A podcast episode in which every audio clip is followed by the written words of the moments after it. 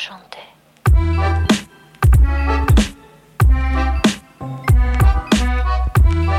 Vi säger varmt välkomna till Toto 5. Det är onsdag den 12 april och eh, vi kommer rätt in i det här avsnittet direkt efter en landslagssamling. De ska väl åka från den landslagssamlingen idag. Lite omkastningar i studion.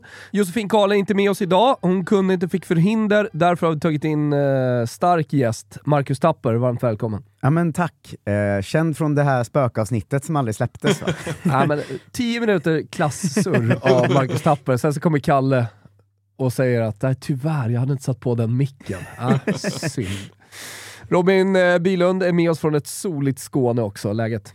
Uh, ja, men det är väldigt, väldigt bra som du, som du säger. Nu, uh, nu vågar man väl faktiskt konstatera att uh, våren är här. Det visar prognoser på 17-gradigt Skåne nästa vecka och solen är redan här och knackar på. Så det, det börjar fan bli lite spritt i kroppen alltså. Härligt. Tapper berättade här innan att Kalle, den Kalle alltså, hade spått i fiskrens någonstans i januari och spådde en tidig vår. Ja, men den landade ju till slut, spaningen då. Eh, eller tidig landade inte, men vår blev det ju. Marcus, Mar Marcus Tapperan har stärkt av 3-0 borta mot AIK och något slags rekord. Jag vet inte vad det är för rekord, men på gång i alla fall. Linköping borta när IFK Norrköping, som mm. startat damallsvenskan som jävla gnuer, jag säga. galningar. Eh, en flygande start och en ja. flygande start på biljettförsäljningen. Också en stor anledning att vi har med dig som en av de mest aktiva eh, supporterna till ett damlag. Vi pratar mycket om eh, Bayerns eh, följe och liksom, eh, hypen mm. runt dam i Hammarby, men eh, IFK Norrköping, de vill också vara med där uppe. Ja men vi, eh, vi tar väl rygg där och är ganska tydligt tvåa redan. Eh, liksom började ju bli det i, eh, i elitettan redan. och jag tror att vi hade alla stjärnor stod rätt med att det gick så jävla dåligt för vårt herrlag samtidigt som vi började kasta in satsningspengar och så i damerna. Mm. Eh, och då blev det så här, fan vi kan ju följa dem istället. De är ju de är liksom samma förening, samma lag, vi hejar på dem, men de är mycket bättre. Eh, ja. sådär. Eh, så att vi hade ju några, vi hade väl tre matcher med över 2000 pers i elitettan, vilket ju är, det är, det är ju råstarkt mm. liksom. Uh, och um, några helt okej okay, fina bortaföljen där också, det var väl 350 pers i Uppsala och lite sådär. Um, så, och nu, nu är det ju en jävla hype runt det, och vi börjar ju mot andra potentiella bottenkonkurrenter och går in och städar av det. Liksom. Mm. Det är perfekt uh, start, och nu är det väl jag tror det finns 300 biljetter kvar till uh, Linköping borta om en månad, då, där vi har fått typ halva arenan. Uh, för det, har ju redan sålt 2000 någonting. Mm. sådär. Eh, det, kommer, det kommer bli eh, helt magiskt alltså, med stadsövertagning och jag vet ju folk som ska vara där en vecka innan och hänga upp banderoller. Och, alltså det, det känns... Det bubblar nu. Det För bubblar. De som inte hänger med här, dels Tapper då, eh, ser ni på stand-up-scener runt om i Sverige, Växjö ikväll. Ja, ja. när vi spelar in det här. Eh, är, är såklart också en av eh, de eh, mest hörda rösterna i eh, podcasten Toto-svenskan som behandlar allsvenskan, eh, för er som bara lyssnar på Toto 5. Eh, men framförallt eh, med här då som stor supporter till eh, IFK Norrköping och ja, en, tycker jag i alla fall, en av de stora bidragande anledningarna till hypen kring era bortaföljen och det du beskriver 2000 borta, för att du är väldigt aktiv på sociala medier också kring detta. Ja men det ska man säga när du säger typ eh, en, av de, en av de starkaste supporterna, det är ju inte helt sant för det finns ju de som gått på Nej, men... alla matcher hela vägen och sådär. Men sen är jag väl Star en av de starkaste som... rösterna? Ja, men, kanske en av de som tjatar om det mm. mest. Det finns väldigt många på plats i, i Peking-fans och sådär som har gjort väldigt mycket mer, men jag är ju eh, kanske en sån som tar en megafon och skriker skriker om det. Hallå, alla måste hänga med här liksom. Uh, så att, ja men det är ju kul och det är ju, det är ju jävligt roligt att få känna att, uh, ja men här har vi ju faktiskt uh, Alltså i herrfotbollen finns det ju etablerade storstadslag som liksom supportermässigt går det inte för oss att bli lika mycket som AIK eller Malmö eller Göteborg. Alltså det går liksom inte av storlek.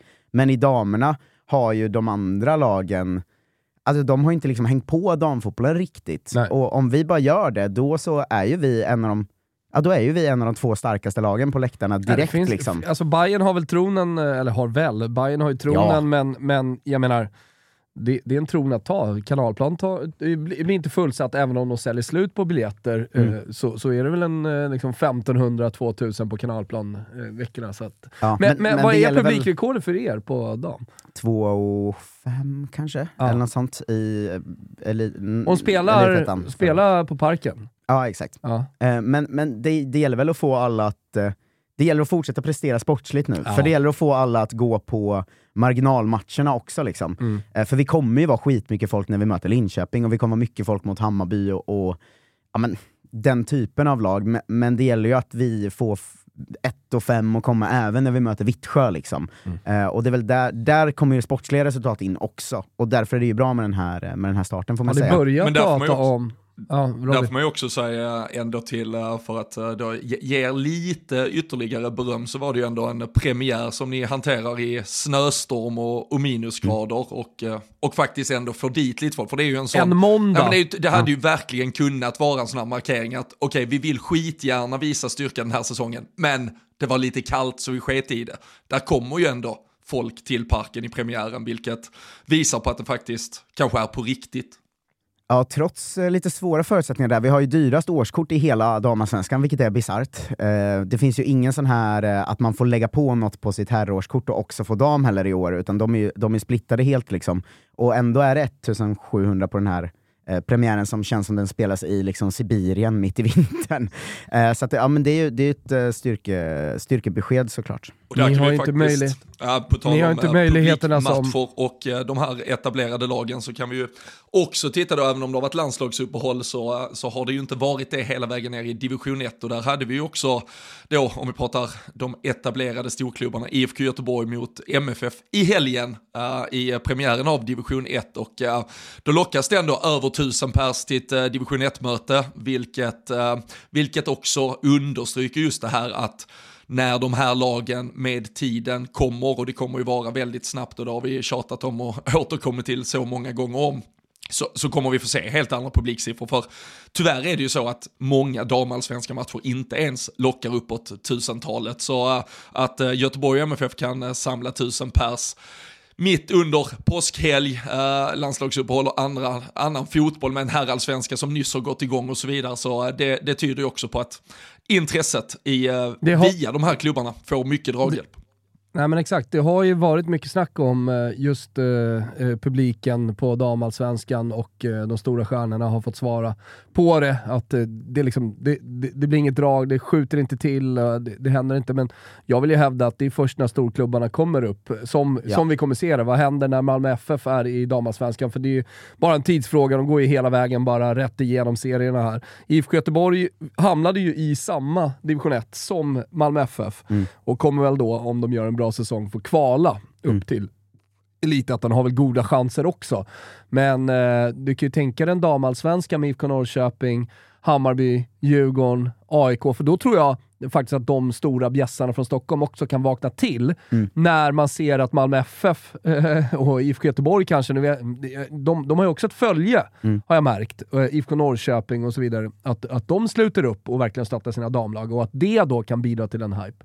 Ja men så är det ju, och så om man kollar hela damfotbollsvärlden så kom ju hypen först när eh, jag vet inte, Arsenal och Manchester United och så vidare börjar satsa, och så kommer det ju vara i svensk fotboll också. Alltså att om, om tio år så kommer det vara ett mirakel om klubbar som Vittsjö klarar av och hålla, alltså, och det fattar man ju, och det är ju lite tråkigt på ett sätt, för det har ju varit en, en charm, men det kommer ju Men göra... det, det är skillnad på liksom, ehm, den utvecklingen och till exempel den eh, danska utvecklingen där, där klubbar har köpts upp och Mm. där stora företag har kommit in. Ta Nordsjälland som ett exe- exempel med Right to Dream och, och allting. Samtidigt då som Edsbjerg och klassiska danska högsta ligalag eh, går i konkurs och klarar inte av att Mm. eh, konkurrera. Eh, här är det ju bara att det är stora klubbar, medlemsägda, som väljer att satsa på damfotbollen. Så Mm. i grunden är det ju något positivt tycker jag. Förutom BK Häcken då, ska vi väl... Eh, Bra! Mm. Bra! För att eh, de eh, har köpt lag. De har köpt lag och eh, dagen efter de hade köpt det stod det på BK Häckens hemsida om alla titlar de har tagit. De var såhär, okej, är det ni som har gjort det verkligen? Men, men det, det är väl Det är lite diskussion. fusk också vad det gäller maratontabellen. Jag vet att Johan Lager, sportchef i Hammarby, han, Mm. han går och irriterar sig det ungefär dagligen.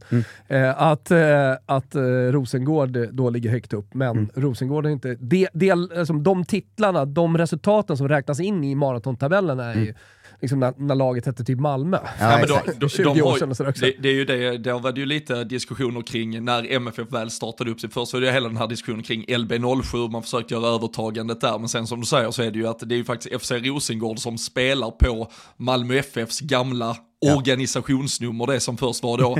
Malmö FF blev LDB FC Malmö, på tal om eh, su suspekta sponsoravtal och annat, och sen då FC Rosengård. Så Malmö FF, när de väl är på plats, så kommer de ju då alltså inte kunna tillgodoräkna sig ja, egentligen då titlar de själva har vunnit, utan de har FC Rosengård istället. Men just den här historiken är ju jävligt aktuell för spelarna och sånt. Jag har ju intervjuat eh, många av spelarna i IFK, i, i IFK Dam liksom, och alla de som var lite för bra för att komma till oss när de kom, alltså My Cato, Vilma Leidhammar, Ebba Handfast sådär.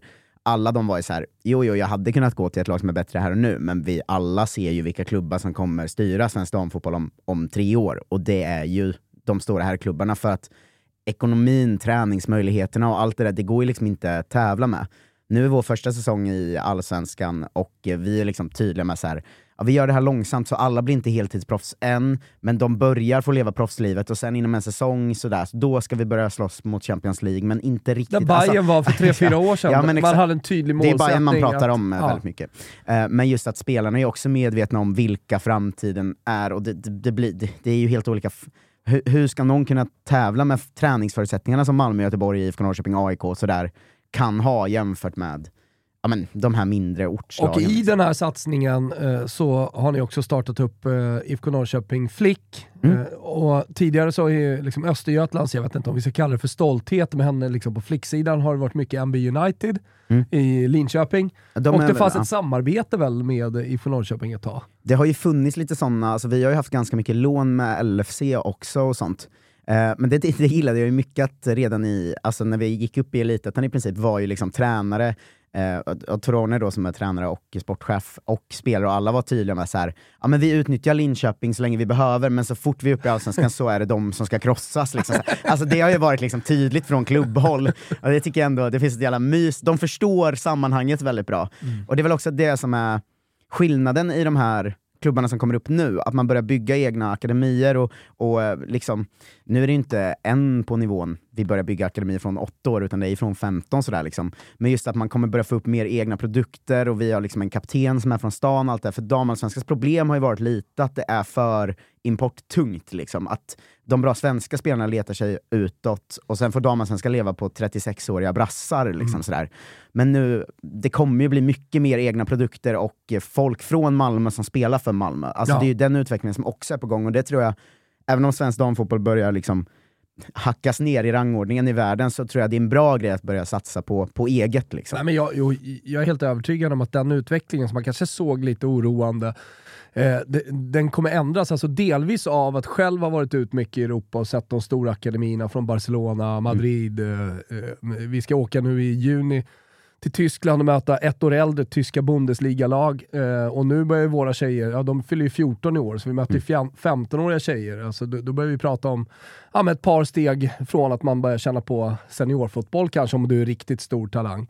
Eh, ska bli intressant att se hur vi står oss mot dem, men det vi har som inte de har, och då pratar jag även om Tyskland, det är ett jävla go i just flickfotbollen och i gräsrotsfotbollen. Så vi är väldigt många unga tjejer som börjar spela fotboll. Skulle vilja se statistik på det. Jag vet inte om det finns i typ Spanien, Italien och sådär. Men när vi åker till Italien, det är klart att Roma får ihop ett ruskigt akademilag, men vi slår dem fortfarande. Med, med, med, med vårt svenska lag. Och då har vi ja, men, fem lag till från Stockholm bara. Kanske tio lag som gör en bra match mot Roma runt om i Sverige. Alltså så att vi står oss ju fortfarande bra, plus att den utvecklingen som just nu sker på flickfotbollen, för det, det är som alla stora tränare säger, svenska tränare, hur ska vi, hur ska vi på här sidan pratas det om, hur ska vi liksom bli ett Belgien? Eller hur ska vi kunna stå upp mot eh, Kroatien när vi möter dem och fortsätta utveckla? Då är det så här, mer resurser, bättre träning, lägre ner i åldrarna. Det finns liksom ingenting annat. Och det är exakt det som har hänt. Det läggs mer resurser, lägre ner i åldrarna och det satsas på unga tjejer. Som det aldrig har gjorts tidigare. Nej, och det, är- alltså man ser det så jävla tydligt när man följer ett lag nära, att de i laget som är 15 till 20, liksom, de har en helt annan träning än de som är 26. Alltså det har gått så himla himla fort. Och då ska i, det sägas alltså att jag ser ju, om vi tar då från typ 04, 05, 06, som är liksom de lite äldre juniorerna nu. Det är en jävla skillnad på de som är födda 09 ner till 13. För de har fått en utbildning som de inte har fått. Så att det, det, det, blir ju liksom bättre och bättre ju lägre ner och går ner i åldrarna sådär, Ja. för att man har börjat satsa tidigare. Fan vad man måste vara, för det pratar man ju ofta om i herrfotboll, att så här, om du var proffs för 25 år sedan kan det finnas en bitterhet i att då fanns inte riktigt pengarna på samma sätt och sådär. Men alltså i damfotbollen, det måste ju vara så här, om du är 25 så måste du vara bitter på att du bara, inte bara är fem år yngre, för att det har hänt så, alltså det händer så mycket hela, hela, hela Ja, det, tiden. det, liksom. det, det är bra för att eh, Emma Jansson, Rosengård nu, Bayern innan, hon var med lite som mentor för vårt lag i Bayerns flickakademi. Och hon sa det, fan tänk om jag hade fått den här träningen när jag var 10, 11, 12, 13 år, hur bra hade jag inte kunnat blivit då? Så att det, det, det, det är ju en sån där hypotes som man aldrig kommer kunna... Eh, alltså du kommer ju aldrig få något svar på hur bra Dejan Kulusevski, eller hur mycket sämre Dejan Kulusevski hade varit om han inte gick Atalanta-vägen. Lika så då med alla eh, typer som säger att Nej, men jag spelade bandy fram till, och hockey och fotboll fram till jag var 16 år. Eh, och sen så spelade jag ändå i Allsvenskan och gjorde två landskamper. Ja, men hur bra hade det blivit om du hade fått en riktig utbildning från att du var 10 och du hade pallat det? Ja, det, det, det är som sagt, det är hypoteser, vi kommer aldrig kunna få svar på det, men jag tycker ändå att det, är väl, det som är väldigt tydligt i alla fall när jag kollar på flickfotbollen och kontra damfotbollen, att det är en helt annan skolning. Alltså jag ser ju tekniska misstag i varje allsvensk match som liksom våra 12-åriga tjejer inte ens gör. Ja, och det är väl också det man har, nu har ju vi bara haft vår flickverksamhet igång i ett halvår eller sådär, så den är ju- Såg de faktiskt? den är ny liksom. Era 2010 på Bosön var de och spelade en, eh, en eh, matchcamp som jag tror Lidingö hade. Ja men för det är ju helt ny ihopsatt liksom, men man ser också där skillnaden i Alltså det, jag har sett lite på någon träning och sen rapporterna man får därifrån, att grejerna de tränar på är något helt annat än det var för bara några år sedan. Liksom. Att nu är det ju på riktigt teknik och på rikt, alltså, det, det händer så mycket och det, det kommer ju vara jätteintressant att se vart, eh, dels damallsvenskan med alla lag, men också vart eh, vår unga generation som kommer upp om typ fem år, det kommer vara jävligt roligt att titta Slog på. mig nu att jag faktiskt såg ert F17-lag slå Hammarbys eh, SM-guldvinnande F17-lag eh, på, i en träningsmatch på kanalplan. Visserligen eh, ett stort spelövertag och det var eh, kanske slumpfaktorer, men det var en stor seger märkte man ändå för eh, IFK Norrköpings eh, F17-lag. Och- Eh, Jag snackade med eh, Rebecka som är med och tränar dem där eh, för, för eh, några veckor sedan. Eh, träffades vi i samband med en, med en herrmatch. Liksom. Eh, och hon pratar mycket om cynismen. De börjar eh, jobba in hos Ja, men de, eh, var, de var fan så. Alltså, det, jag, jag ska inte säga att det var bara så här ren tur att de vann. Alltså, de, var, de var cyniska och de var dräpande i avsluten när de väl kom på kontringar och så. så att, eh, Och det är så vi kommer vara i damallsvenskan också, vilket jag bollade upp lite i det här spökavsnittet. Och jag vill också säga att en grej jag bollade upp i det var att ni ska få se My Kato. Och Ja. det har ni ju redan fått se. Det alltså. har vi, Den har vi räknat hem till, den Ja, har vi varit tydliga med när vi har uh, hyllat henne. Vi hade henne som omslagsbild förra veckan. Ja. Hon verkar vara en skön typ. Hon Berätta underbar. du som känner, du som har intervjuat henne och liksom följt henne. Ja men hon är ju eh, hon är allt man vill ha i en ledare när man går upp och är ny. Liksom. Alltså, hon är från stan, hon pratar liksom, om hur hon vill göra det här med IFK. Hon har ju också varit i, hon kom ju till oss från LFC, från lite skadedrabbad eh, tid där liksom. Eh, och hade ju alternativ som var högre upp, men var ju såhär, jag, jag ser ju vad som håller på att hända här och jag är från Norrköping, jag ska fan ta det här framåt. Eh, nu har hon, är hon kapten, hon har signat ett nytt längre kontrakt och hon går, alltså, hon går ut och dominerar varenda match. Liksom. Eh, och, och liksom ung. Och det, det är ju, Speltyp, för de som Ja. inte har koll. Ja men liksom...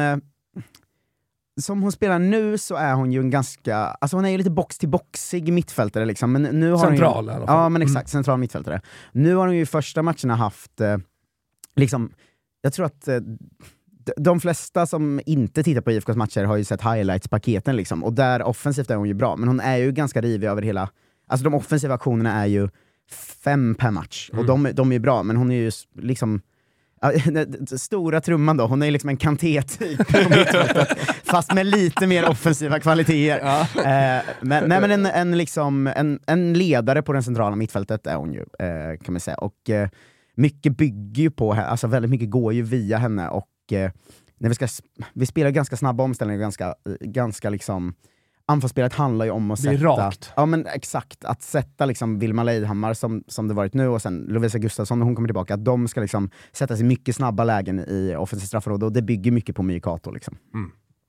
Yes. Så Ja. ja. en ledare på mittfältet. Liksom. Och så får vi se vad som händer nere i Skåne. Jag har ju varit på eh, många gånger här och pratat om när stora stygga Malmö FF kommer upp i, i elitfotbollen och i damallsvenskan. Eh, Jag vet ju på tal om flick att de satsar ju stenhårt där nere också. Mm. Och det, det är ju deras flicklag som nu åker land och rike runt och är med i de liksom, stora turneringarna och gör bra resultat. Det är inte Rosengård. Mm. Ja, men de, alltså, de har gjort exakt eh, samma sak som de har gjort på, eh, men här och ner på pojksidan med dels hur de har strukturerat upp det från de absolut yngsta flicklagen till att de från årskurs 7 egentligen i varenda jävla håla i Skåne erbjuder då Malmö FF Akademi på skoltid där du fostras in i deras modell, spelar kvar i ditt moder eller i din moderklubb. Och eh, sen så har ju ändå Malmö FF dig under lupp och eh, kan börja sortera in dig till sina gymnasieverksamheter och eh, följer egentligen varenda, varenda spelare över hela Skåne. Så, så för FC Rosengård så är det ju en,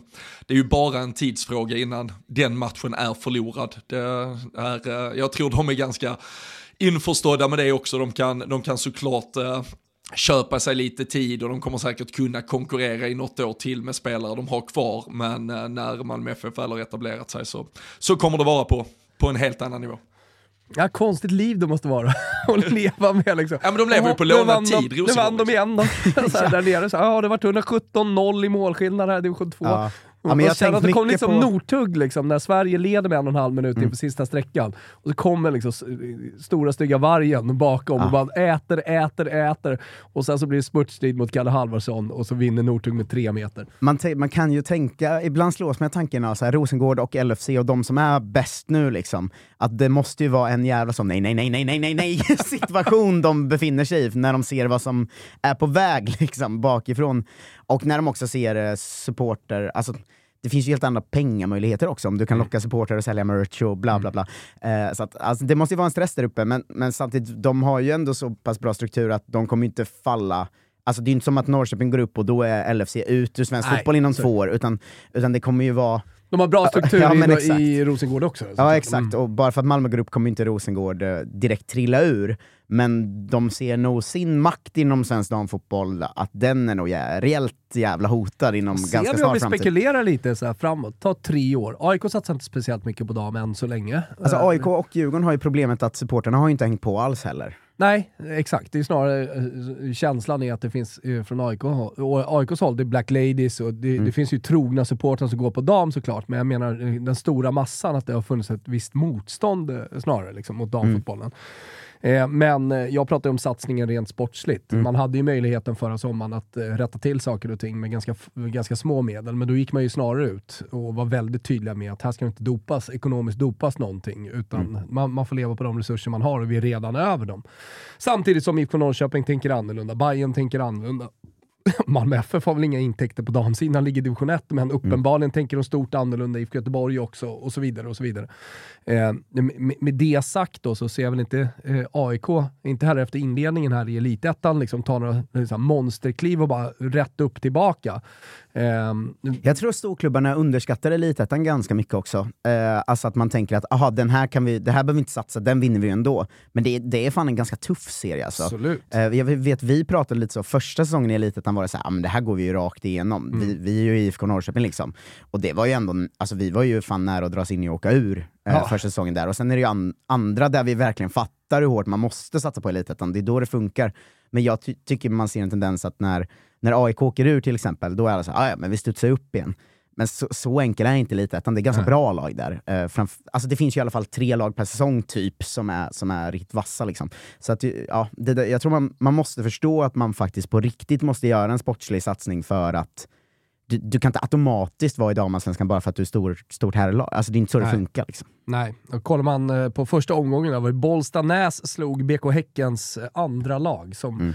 Lyckades eh, ta sig upp. Mm. Eh, det, det känns lite konstigt kan jag tycka att eh, det, det, det, är tillåtet eh, att ha ett lag i Elitettan också. Ja, men det var väl lite diskussion om det där eh, nu i vin- Jo. vintras. Här. Va, ska det här få vara så? Det är ju väldigt konstigt. Eh, För så är det väl i alla fall i herrfotbollen, att om HTFF skulle Ja. gå upp, de Nej. får väl inte gå upp till Nej, Superettan? inte superettan. Eh, Det är i alla fall eh, den verkligheten jag lever i i min lilla skalle. Att de Ja. inte får det. Men jag tänker att klubbar också är jävligt duktiga på att gå runt vill ju sånt inte där heller. skit. Jo jag vet, men de liksom. vill ju inte det heller. Nej. De vill ju ligga i... Mm. Eh, sen är jag ganska säker på att Häcken vill ligga här. Och sen Mm. kan de åka ur. Men att det blir en bra erfarenhet från de unga spelarna. Plus Mm. att det lockar ju.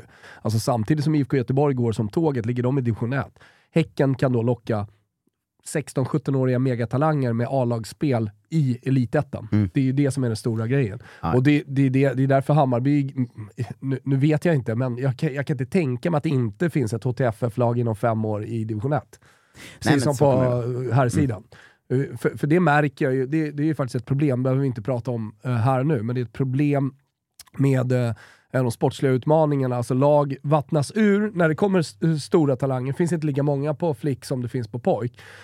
och så flyttar man upp dem och så ska de upp i åldrar hela tiden. Och så vattnar du då ur då F15, F16, F17 eh, för att du ska upp dem till F19. Och Problemet där är att du kanske är 15 år när du kommer upp då i F15, och du, eh, eller F19, när du är 15 år. Mm. Och så, så blir du fast där. För att nästa steg, att gå till, eh, till A-laget i Hammarby, ja men det är, där är ju Kyra Cooney Cross och Mm. liksom landslagsspelare på varje position.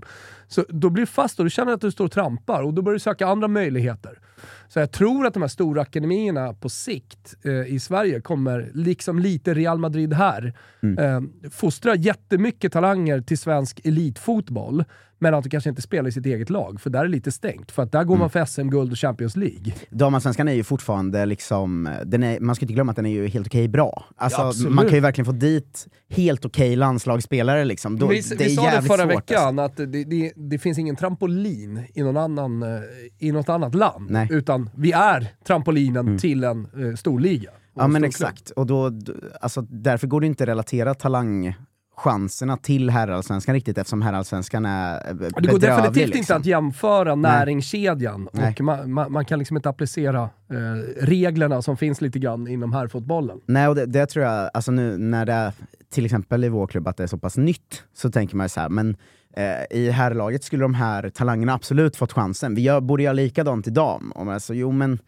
talangerna kommer inte överleva damallsvenskan på samma sätt som talanger kan överleva herrallsvenskan. Alltså för att damallsvenskan är så mycket högre i världslig rank. Liksom. Ah, men, Eh, så det är väl ett problem, eller, eller en lösning. Ja, men vi pratade om eh, Smilla Holmberg, 06 i Bayern, eh, vi pratade om B. Sprung, eh, Tuva Skog och så vidare. 05 och 06 så här, som, som, kom, som kommer upp. Men kollar man på speltid, Hanna Bennison har fått känna av det när hon kom till Premier League också första året. Nu spelar hon ju mer och mer hela tiden och blir mer och mer viktig sådär, under, även för landslaget. Men, men det tar tid. och man, man ska inte underskatta det tålamodet som måste finnas. För har du inte det tålamodet, då är, det- då är det lätt att du börjar hoppa och byta klubbar och sen så kan du, ja men det kan landa dåligt i slutändan.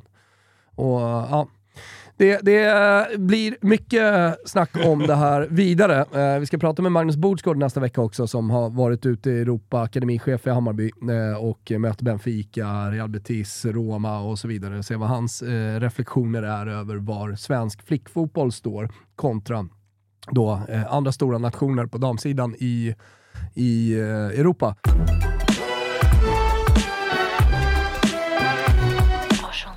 Toto 5 är glada över att fortsätta samarbetet med Heineken 00, eller hur eh, Josefin? Jajamän. Vi har ju pratat en hel del om eh, jämställdhet, du har ju bara varit här eh, i några avsnitt, men totalt sett inkluderingen inom damfotbollen. Jag tänkte, du har en del erfarenhet från läktarkulturen Ja. och framförallt så har du varit på herrfotboll. Mm. Och där är det inte riktigt jämställt va? Nej, alltså jag tycker inte det. Alltså, jag har väldigt mycket personliga erfarenheter av eh, hur man som kvinna ofta blir ifrågasatt och att man inte är fotbollssupporter på det sättet som då framförallt män kanske tycker att man ska vara. Har du, något, har du något tydligt exempel på det? Ja, många. Nej, men ett exempel till exempel till det här att man alltid blir ifrågasatt. Alltså, det var en tjejkompis som satt på en restaurang och berättade om sitt... Nej, men hon bara, jag tycker fan att det är kul att titta på fotboll. Jag tycker det är askul och nice bara. Och direkt då så sitter en snubbe runt samma bord som bara, oh, men snälla säg fyra spelare i Real. Eller, man blir alltid ifrågasatt som kvinna att du ska kunna så mycket. Och, så här. och Det upplever jag ju sällan att eh, en man får, till exempel. Nej, men eh, alltså, när man sitter och pratar om fotboll, till exempel på en restaurang, det är inte så att jag någonsin, nu skulle inte jag fråga någon, någon kvinna heller det, men jag har aldrig varit med i, i ett sammanhang där en man har fått eh, liksom den frågan. Nej, precis. Och jag, jag märker också till exempel i, så här, ja, men i klacken att, att många kvinnor kan bli lätt dömda. Typ att de är bara här för att spana på killar. Eller, eh, och Jag tycker bara att det är patetiskt. För Jag tycker också att ett supporterskap ser olika ut. Om du vill gå och titta på fotboll för att det är kul men sen inte nörda ner i och kunna spela det så är det fine. Men jag upplever mycket att det är just kvinnor som får det här och jag har väldigt många För mig är ju alla supporterkulturen, att vara supporter handlar ju väldigt mycket bara om hjärta. Inte Ja, ja, ja. vad eh, högerbacken heter i, i Mjällby. Nej, exakt. Utan eh, passionen, vara där, träffa kompisar, en stor del av supporterkulturen för mig. Ja. Så egentligen så borde det inte vara så stor skillnad. Nej, verkligen inte. Och det där har blivit någon grej bara att så här, vissa killar får för sig att eh, tjejer bara är liksom medgångssupporters så att inget är äkta. Typ. Ja, hörni, vi fortsätter att eh, lyfta jämställdheten inom fotbollen. Eh, såklart eh, finns det många delar av fotbollen där vi behöver tänka annorlunda. Inte minst då på läktarna. Vi säger cheers to all fans och vi jobbar för inkludering inom fotbollen alldeles oavsett om man spelar, man är en supporter eller man befinner sig i fotbollssammanhang. Och vi säger samtidigt stort tack till Heineken Alkoholfri som är med och möjliggör Toto 5.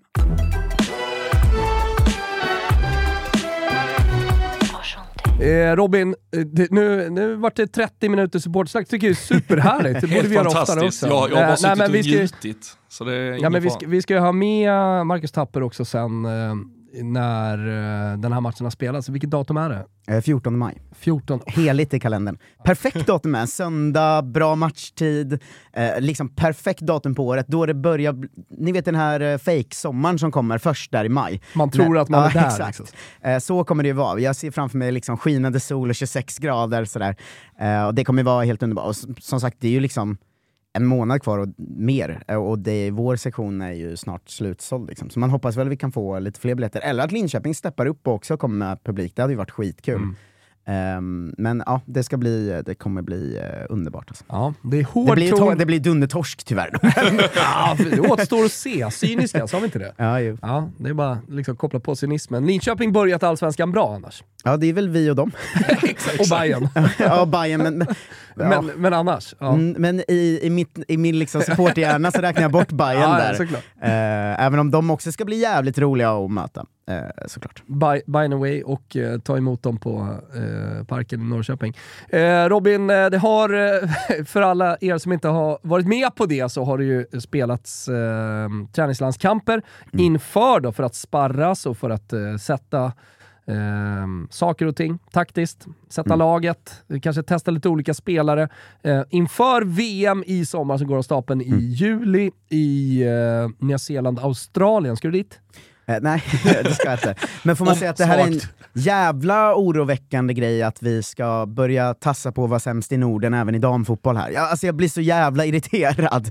Eh, Jag vill ju att vi ska städa av de andra nordiska länderna i både herr och dam, men det gör vi liksom inte längre och jag stör mig så jävla mycket på det. det var- Eh, Nej, det har inte varit, det har inte varit vackra prestationer de här två senaste matcherna. Och, Ska vi, lite så, börja, ska vi börja med första eller? ja, ja, men lite vilket jag tänker bara den, den lilla korta helhetsanalysen, för precis som du är inne på, det är ju lite då det här, det är den sista samlingen innan, vilket också egentligen är rätt sjukt. Det är alltså, igår var det 100 dagar kvar till VM, men det är den sista planerade just nu samlingen innan man ska ta ut en VM-trupp.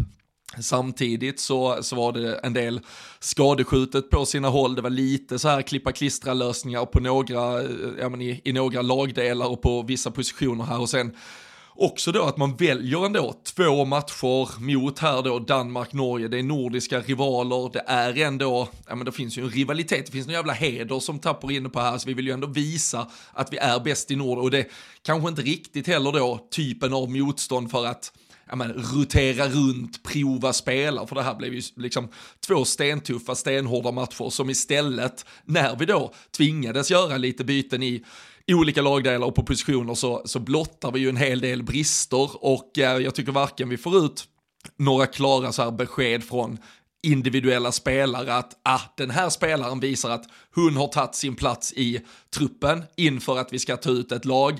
Och eh, vi får ju heller inte med oss då ja, men några stärkande vinster. Och det, det pratar ju Rolfö till exempel efter Danmarksmatchen när man åker på den snöpliga 1-0 förlusten i, vad fan är det, 93 minuten, liksom, att alltså, det hade ju varit skönt att vinna lite matcher också. Och sen lyckas man ju då istället med konststycket att schabbla bort 3-2 till 3-3 också i, ja det blev till och med 95 minuten mot Norge, så det är ju det är ju förutom att det är två ganska svaga prestationer, ganska få klara besked på spelare, så visar det dessutom, på tal om cynism, ett landslag som istället är väldigt svaga mentalt när saker och ting ska avgöras. Så det var, Ja, det, är ju en, det är ju en helhet från de här två 90 minuterna som är allt annat än vad jag tror Gerhardsson eh, önskade sig eh, inför att han nu ska sitta på kammaren i en månad eller två och fundera lite kring vad fan han ska göra med det här inför sommaren.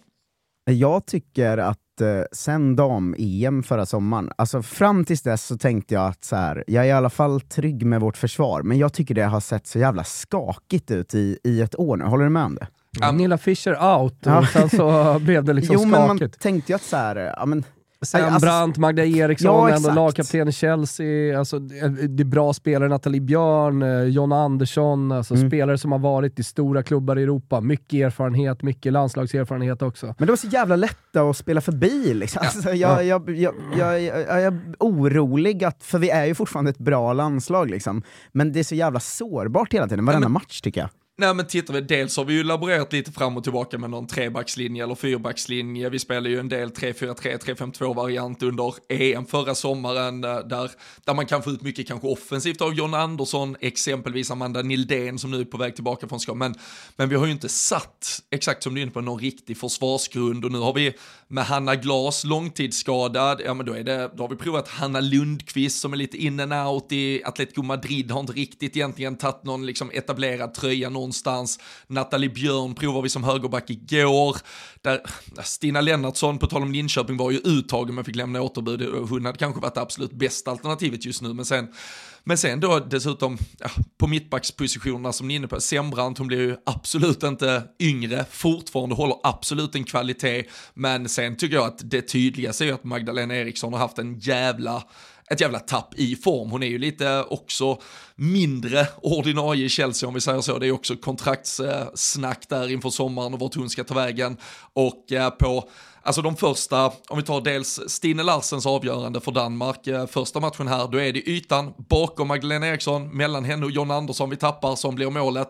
De två första norska målen, exakt samma yta som de utnyttjar och sätter dit den på. Och, eh, och sen så är det faktiskt Magdalena Eriksson också som står ganska passivt och låter bollen i stort sett studsa lite flipperspel eh, igenom henne fram till det som blir 3-3 Norge igår. Så det Två, tyvärr, jättesvaga insatser från henne de här två matcherna. Men så tyckte jag det var mot eh, framförallt Holland och Schweiz var de två första matcherna i gruppen i dam Att liksom varenda djupledsboll kändes som att den blev ett friläge. Och, alltså det, jag vet inte, det, det känns bara...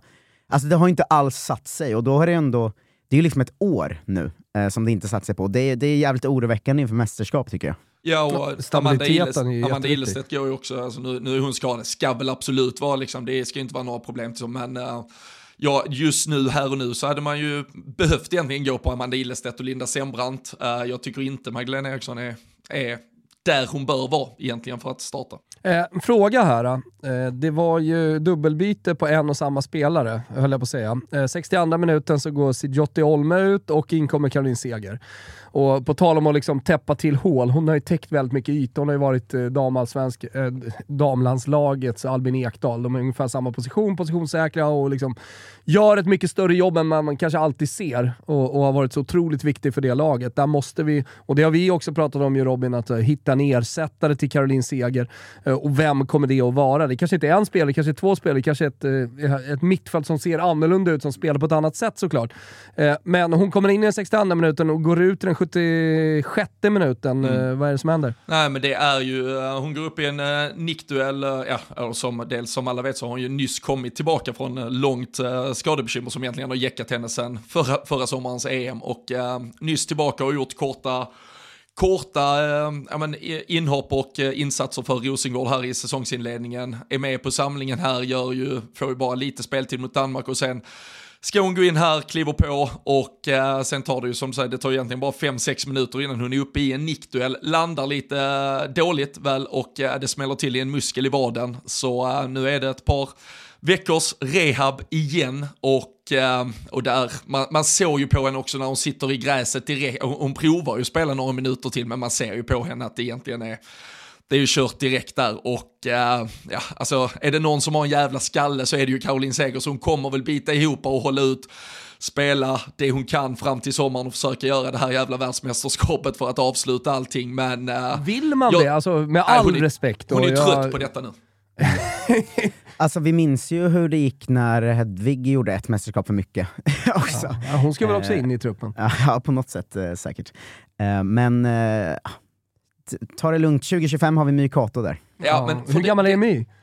Hon är väl, vad är hon, 99? Nej, Ja. hon måste vara yngre än så ju för fan. Jag ska kolla. Kolla, Ja, kolla. ja, men, för där, där är ju annars problemet Hedvig Lindahl så kan vi väl eller man hade absolut kunnat argumentera för att eh, uh, Cecilia Musovic och Jennifer Falk som nu, de fick ju varsin match och de gör väl upp då lite om vem som ska få uh, vara första slips i sommar. Men exakt det här som, som du nämner Thomas, och vi pratade ju, det måste ju väl varit ett år sedan inför förra eh, sommarens mästerskap vi satt och pratade om vem spelar om inte Seger spelar eh, och eh, vem axlar hennes roll och vi såg i vissa träningsmatcher där hon inte startade att ja, men det var ju alltid ett hål på det där mittfältet och nu tycker jag vi ser samma sak igen mot, eh, mot Danmark så är det Hanna Bennison och Sijotti som får eh, chansen från start. När Angeldal kommer in så blir det något helt annat. Hon är uppe på den nivån men där finns ingen, där finns ingen bredvid henne. Nu, nu spelar hon tillsammans med Sijotti eh, från start mot eh, Norge men tycker inte att vi får ordning på det där mittfältet. Så Filip Angeldal och Caroline Seger är ju fortfarande vårt, vårt bästa liksom, eh, centrala ankare och eh, det, det är oroväckande att ingen annan Kanske Elin Rubensson, hon var inte med nu den här säsongen, eller fick inte speltid här, men eh, annars det, det är försvar, vi saknar en riktigt bra kontrollerande mittfältare. Hanna Bennison har sina förtjänster men i, i helt andra lägen egentligen och lite kanske friare roll, ska ha lite mer boll offensivt, ska inte sitta så djupt. Men eh, det saknas ju någon som kan ersätta Caroline Seger, dels om hon inte kommer till spel nu, men vi vet också att på tal om att allsvenska damklubbar lever på lånad tid så, så vet vi att vi får ut det, det är ju det absolut sista vi ser av Seger nu oavsett. Hur gammal är Mikato, Ska inte hon in? Ja, Jag hade ju rätt i, eh, i ålder men fel i årtal, för de har jag blivit för gammal för att fatta. Hon var 21 som jag tänkte, men då var man tydligen inte född 99 utan 2002. Eh, eh, men där har vi framtiden. Ah, ja, snyggt, snyggt. Allt, allt gott kommer från eh, Norrköping, det visste du väl eh, Robin? Ja, absolut. Fina, fina Norrköping. Men du, jag, jag är lite nyfiken på hur Winberg och Sofia Jakobssons prestationer var. Uh, uh, Sofia Jakobsson, ja, där, där måste vi ju rycka plåstret nu. Hon, hon har inget i en svensk landslagstrupp att göra enligt mig. Jag, jag kikar någonstans, hon har inte gjort mål sedan 2019, hade 24 raka landskamper utan mål. Och det, och det ser alltså så jävla trubbigt ut när hon får bollen i offensivt straffområde. Ja, hon har väl förtjänster i att liksom gnugga kant och göra jobbet, hon är löpvillig och öppnar säkert någon lucka här och där till någon annan, men hon är inte en startspelare i ett landslag, hon är inte första eller tredje alternativ du slänger in om du vill förändra någonting och då måste vi, på tal om liksom generationsväxlingar och eh, no någon form av eh, svensk fotbolls framtidsbästa så måste vi titta på andra lösningar. Hon, eh, jag, jag tycker inte det, det duger. Matilda Winberg, Berg, hon, eh, hon gör det absolut eh, utifrån förutsättningarna bra. Hon har ju någon, något läge där hon kanske ska vara lite mer distinkt och är väl absolut fortfarande då lite försiktig i landslagsstressen. Eh, tycker kanske inte heller att hon utnyttjas eh, liksom Nej, det helt var det jag tänkte där på. hon ska spela heller. I Bayern spelar hon ju mer på Sofia Jakobssons Mm. position och, och liksom utnyttjar sin genombrottskraft och gör ju mycket poäng i Hammarby. Ja, och här blev det någon form av fan, lite eh, nu, nummer 10-roll, lite framskjutet på ett centralt fält Ja. med och sen växlar de absolut i den där offensiven eh, till och från, men äh, kom, kom inte helt till sin rätta där och äh, svensk offensiv, båda de här två matcherna har ju varit för dåliga också, så det, det, det är svårt att ge de individuella insatserna för mycket av ja, betyg Mm. antingen i positiv eller negativ bemärkelse. Men åren upp till och under dam-VM 2019, fan vilken Sofia Jakobsson-hype man kände då. Alltså, hon var så snabb och Mm. liksom bröt igenom allt och så tänkte man så här, ja men de närmsta åren med henne där, vi kommer vara ostoppbara. Och sen har det liksom bara, det bara stannade av efter det. Så Bayern tråkigt. München-flytten och sen så Ja. efter det så... Jag älskade henne dam-VM 2019, det var verkligen så här. I den truppen var det nog min favorit. Jag kommer Mm. ihåg, vi, jag gjorde då podden Kolla Svenskan där vi pratade en del, eller mycket om det mästerskapet. Vi tryckte upp klibbor om hur snabb hon var. alltså, eh, jag älskar henne så mycket, men det är synd att det liksom, hon känns helt håglös. Hon känns ju som att hon alltså klubblagsmässigt checkade ut också Mm. när hon gick eh, eh, över Atlanten. Eh, och alltså senaste Ja, men som du säger, inte mål på 24 matcher, men det är ju också så här, det är ju 15 dåliga prestationer i rad i landslaget. Hon har inte Jag, varit jag, bra. har, jag har next level Sofia Jakobsson i min eh, dotters lag. Mm. Hon kommer, hon har lite problem med knät just nu, men eh, hon kan både dribbla och, och är väl idag dubbelt så snabb, 13 år gammal, som Sofia Jakobsson. Är, är hon redo Det- för VM? Får hon lov att åka till Australien av mamma och pappa? Ja, vi får se, hon har gjort en MR förra veckan, så får vi se vad det MR säger. Vem är den här 13-åringen ni tagit in? Alltså hon är dubbelt så snabb som Sofia Jakobsson. Så. Ja, vi har inte sett henne Wilbacher sa det. Då, då har man power. Ja, får ju du, åka med, du får ju åka med som eh, personlig tränare där också, hålla lite koll. Ja, men jag, jag som ser så mycket liksom, toppfotboll från, eh, eh, toppfotboll från, eh, från Flick, liksom. eh, det, det, det kommer spelare underifrån, Ja. vi behöver inte vara oroliga. Vad fick vi se från världens flängigaste, osäkraste och bästa spelare, Rytting Kaneryd då? hon, hon känns ju alltid som att det skulle kunna vara världens bästa spelare och sen är nästa beslut helt fel alltid. liksom. Men vad, vad fick vi se från henne de här matcherna? Ja, mot, mot Danmark absolut en av eh, få lite ljusglimtar som, eh, som visade någonting. Sen, eh, sen var det ju väldigt be, begränsat med speltid här mot eh, Norge. Så, Hon fick en kvart, va? Alltså, hon, hon har ju också, alltså samtidigt så, hon har ju någonting som du är inne på, hon har ju någon form av edge, hon kan göra en spelare, hon kan ta sig förbi, hon kan bryta lite mönster. Där då om vi pratar Sofia Jakobsson tyvärr känns väldigt mycket mer faststöpt i en form där vi, där vi vet exakt vad vi får och det är tyvärr inte väldigt mycket alls. Så uh, hon är ju ändå kvar och aspirerar men jag tycker ju att det här klubbbytet till Chelsea inte har slagit så väl ut som, som man hoppades på. Där uh, steget var kanske lite för stort, det vet jag att eh, jag flaggade för att eh, Chelsea, alltså de, de har den bredden i truppen att hon blev ju bara en truppspelare, det har blivit ett mål där på hela säsongen och då, alltså hon får ju sina chanser men hon har inte lyckats etablera sig, konkurrera med liksom en Lauren James som kanske har varit typ hela Europas bästa spelare den här säsongen. Och eh, det, det sätter sig väl också på självförtroendet, där är ju skillnaden för en, just kanske en spelare som uh, Rytting Kaneryd som har sin ja, men USP i dribblingspel i att utmana. Hon mår ju såklart bättre av att komma till en landslagsmiljö från Häcken där hon lyckas med 9 av 10 insatser som hon gör, än kommer från ett Chelsea där hon kanske mer har spelat lite sporadiska inhopp, går in och ska låsa en match eller liksom spela en viss typ av spel för, som passar en matchbild. Så ja, det, jag tycker det är, liksom, det är ju en mindre het Kaneryd som kommer till det här mästerskapet den förra. Om vi, alltså, nu snabbspolar vi, mycket kan hända fram till sommaren. Men eh, hon kändes ju mycket livligare för ett år sedan än vad hon gör just nu. En, en sista jag undrar över, för jag såg att hon spelar ganska mycket mot, eh, mot Norge här, är Rebecka Blomqvist. Som jag, har varit, jag har varit ganska svag för henne, men det har inte riktigt så här, målmässigt lossnat i landslaget och sådär. Eh, och hon, har- hon har inte öst in mål i Wolfsburg Hon har heller. fem så här långt den här Eh, säsongen, ja, men- hade fyra förra, eller säsongen innan. Ja men exakt, men, men jag tycker det känns som en spelare som borde kunna liksom ha en lossning i sig, om ni fattar vad jag menar. Hur, hur såg hon ut nu? Ja, men där, eh, hon kom ju dessutom till det här, eh, den här landslagssamlingen med ett uh, hattrick för Wolf. Visserligen i en 8-0-seger, men hon kom väl in i typ 75 och dunkar ändå in ett hattrick i, i slutskedet där. Så det var ju en, uh, alltså det tror jag betydde väldigt mycket. Och jag tyckte man såg lite av det, att det var en uh, gladare, positivare liksom, än Rebecka Blomqvist som, som ville någonting. Och jag tror att hon konkurrerar ju nog om typ, alltså, inte kanske i Sofia Jakobssons plats, men hon, en Anna Anvegård, om hon gör det bra i Häcken under våren och så, alltså, den här ja, extra anfallaren, det, vi är ju väldigt tydliga med att Stina Blackstenius kommer starta i 11 av 10 matcher så länge hon är fit for fight längst fram. Liksom. Men jag tycker ändå Blomqvist visar att hon, hon, är, hon vill, vill väldigt mycket, löper väldigt bra, hon, eh, hon har en situation, det är, eh, vem är det, så jag tror det är Rolfö eller den, ja, det är någon annan som lägger fram den till henne så det är en offside innan, annars gör hon ju ett mål där och hon blev ju avvinkad för ett, eh, ett mål under sommarens, eller för sommarens EM. Alltså det, det har varit lite så här stolpe ut i så här slutskeden för henne, men det känns som att hon,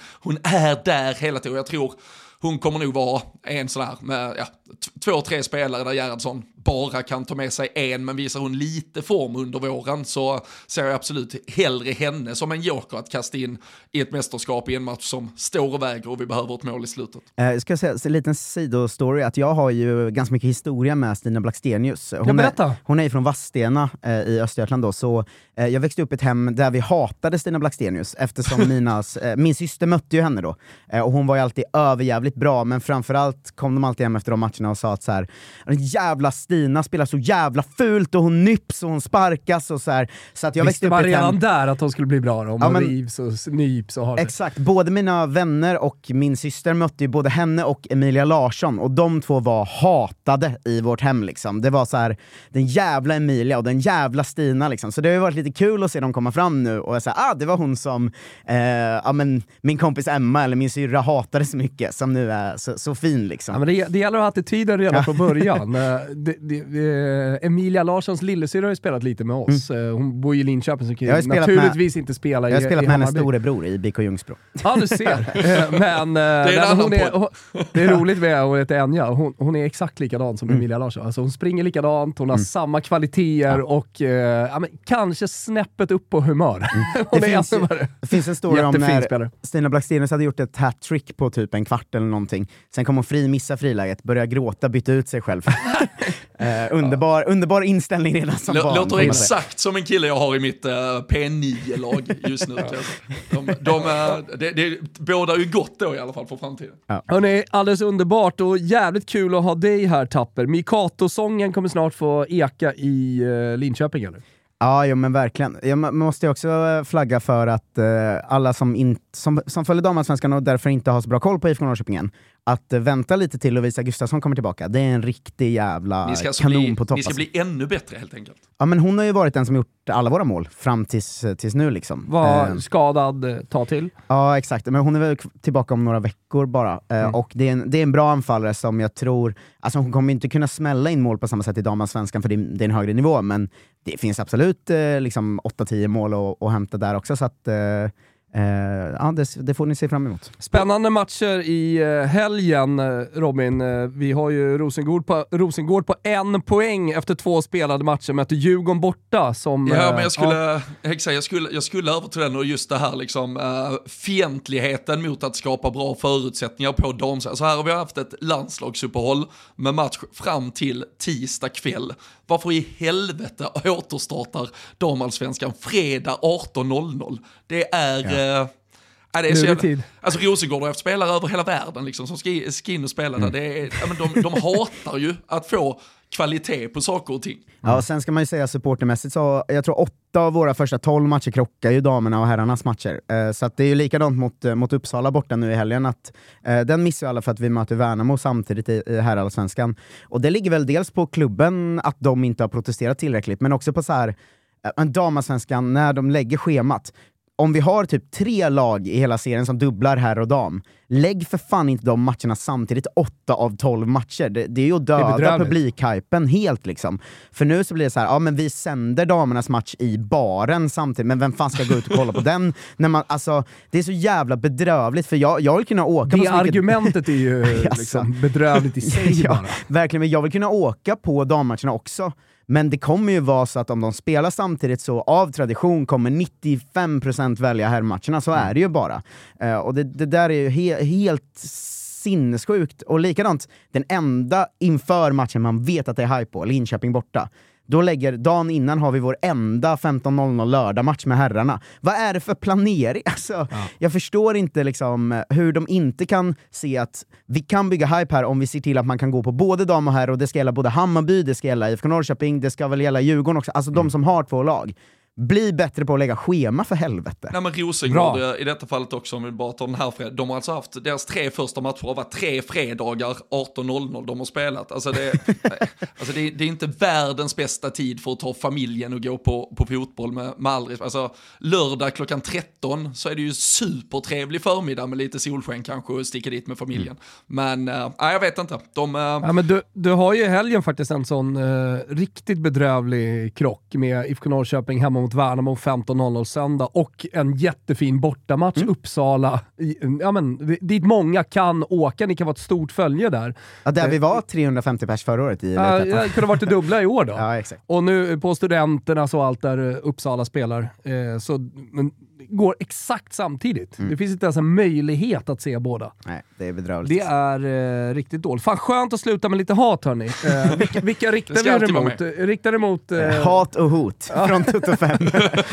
ja, men det är otroligt. Eh, nästa vecka är Josefin Kahle tillbaka. Jättehärligt att ha Marcus Tapper här. Du kommer tillbaka under säsongen hoppas jag. ja, men ja, om jag får, det var skitkul. Du är varmt välkommen. Robin, ha det så bra nere i Skåne.